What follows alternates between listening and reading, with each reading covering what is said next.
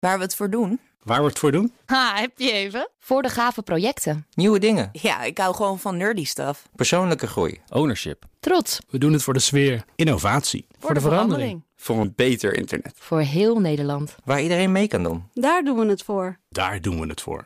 Waar doe jij het voor?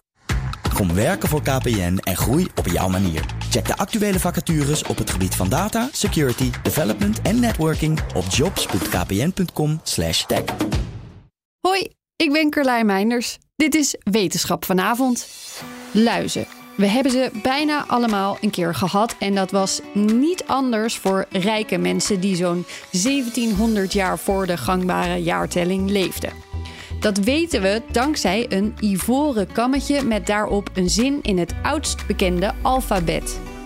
Het kammetje is gevonden tussen overblijfselen van de stad Lachish in Zuid-Centraal Israël in 2017. Pas december vorig jaar werden de inscripties op het kammetje ontdekt. Analyse van die inscripties laat nu zien dat het gaat om het oudste alfabet dat 3800 jaar geleden is ontstaan. En hoe weten ze nou dat het om een luizenkammetje moet gaan?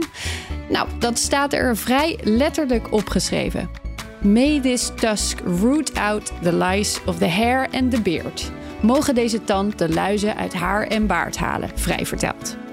Aangezien ivoor in die tijd een luxe goed was, was de eigenaar waarschijnlijk wel gesteld. Insecten maakten dus ook toen al geen uitzondering voor rijke luiskinderen. Overigens zijn er nog oudere schrijfsystemen dan het schrift op de kam. De eerste bestonden al 3200 jaar voor de gangbare jaartelling in Mesopotamië en Egypte.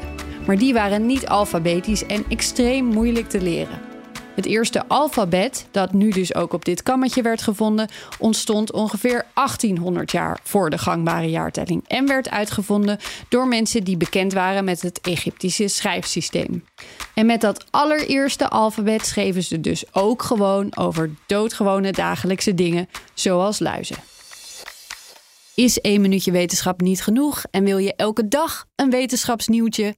Abonneer je dan op Wetenschap vandaag. Bij BNR ben je altijd als eerste op de hoogte van het laatste nieuws. Luister dagelijks live via internet. Bas van Werven. En heel langzaam komt de zon op rond dit tijdstip. Je krijgt inzicht in de dag die komt op BNR, het Binnenhof in Nederland en de rest van de wereld. De Ochtendspits. Voor de beste start van je werkdag. Blijf scherp en mis niets.